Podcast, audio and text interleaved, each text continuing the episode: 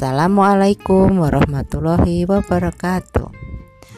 Hai anak-anak hebat, jumpa lagi dengan Ibu Dwi dari SD Tegalega 1. Ibu di sini mengajar kelas 4 ya.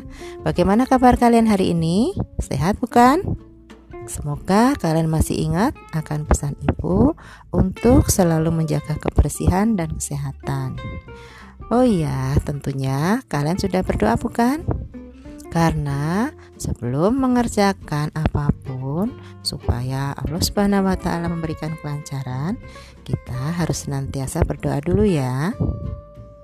Ya, pada kesempatan hari ini Ibu akan membahas tema 6 cita-citaku subtema 1 muatan IPA yaitu tentang metamorfosis pada hewan.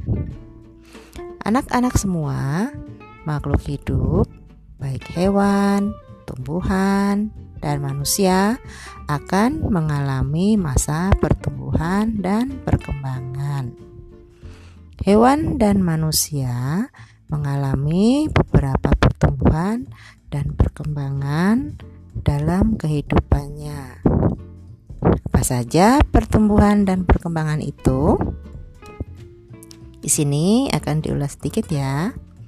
Tahapan pertumbuhan dan perkembangan tersebut akan membentuk siklus hidup atau yang kita sebut dengan daur hidup. Hewan akan mengalami pertumbuhan dan perkembangan secara berbeda-beda. Ada beberapa jenis hewan yang mengalami perubahan bentuk di setiap hidupnya. Namun, ada pula beberapa jenis hewan yang tidak mengalami perubahan bentuk pada setiap hidupnya. Selain hanya bertambah besar saja. Hewan yang mengalami perubahan bentuk dalam siklus hidupnya berarti mengalami metamorfosis. Dan hewan yang tidak mengalami perubahan bentuk dalam hidupnya berarti tidak mengalami metamorfosis. Ada beberapa contoh hewan yang mengalami metamorfosis, yaitu dalam kelompok serangga, amfibi atau katak, udang, dan lain-lain. Dan ada hewan yang tidak mengalami metamorfosis, yaitu dari kelompok unggas, reptil, dan mamalia, seperti ayam, burung, ular, rusa, dan lain-lain ada dua jenis metamorfosis ya. Tadi kan uh, kita bahas tentang metamorfosis. Sekarang kita bahas jenis-jenis metamorfosis tersebut. Yang pertama adalah metamorfosis sempurna. Apa sih metamorfosis sempurna itu? Nah sekarang kita bahas satu persatu ya. Yang pertama adalah metamorfosis sempurna. Hewan yang mengalami metamorfosis sempurna akan mengalami empat kali fase perubahan bentuk dalam hidupnya hingga dewasa, yaitu mulai dari telur yang akan berubah menjadi larva, setelah itu berubah menjadi pupa, dan hingga akhirnya berubah menjadi imago atau yang lebih kita biasa sebut dengan hewan dewasa. Salah satu contoh hewan yang mengalami metamorfosis sempurna adalah kupu-kupu. Fase pertama dalam kehidupan kupu-kupu dimulai dari telur. Telur dalam waktu 3 sampai 5 hari akan menetas dan telur itu kemudian berubah menjadi larva yang berbentuk ulat. Untuk menjaga kelangsungan hidupnya, ulat akan memakan daun-daun yang ada di sekitarnya. ulat ini akan berganti kulit sebanyak 5 sampai 6 kali.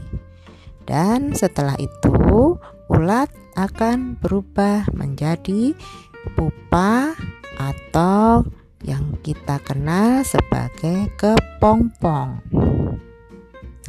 Proses pertumbuhan kepompong akan berlangsung selama kurang lebih 20 hari. Cukup lama ya 20 hari. Dan setelah bertambah setelah itu kepompong akan berubah menjadi seekor kupu-kupu yang cantik dari dalam kepompong tersebut. Selain kupu-kupu, ada beberapa jenis hewan yang mengalami metamorfosis sempurna, yaitu lalat, katak, nyamuk, dan lain-lainnya. Ya. Nah, jenis yang kedua adalah jenis metamorfosis tidak sempurna. Metamorfosis tidak sempurna adalah perubahan bentuk hewan yang tidak mengalami fase pupa atau kepompong. Jadi, metamorfosis tidak sempurna dimulai dari telur, akan berubah menjadi nimfa dan menjadi hewan dewasa atau imago. Apa itu nimfa? Nah, sekarang Ibu jelaskan ya. Ninfa adalah hewan kecil atau hewan muda.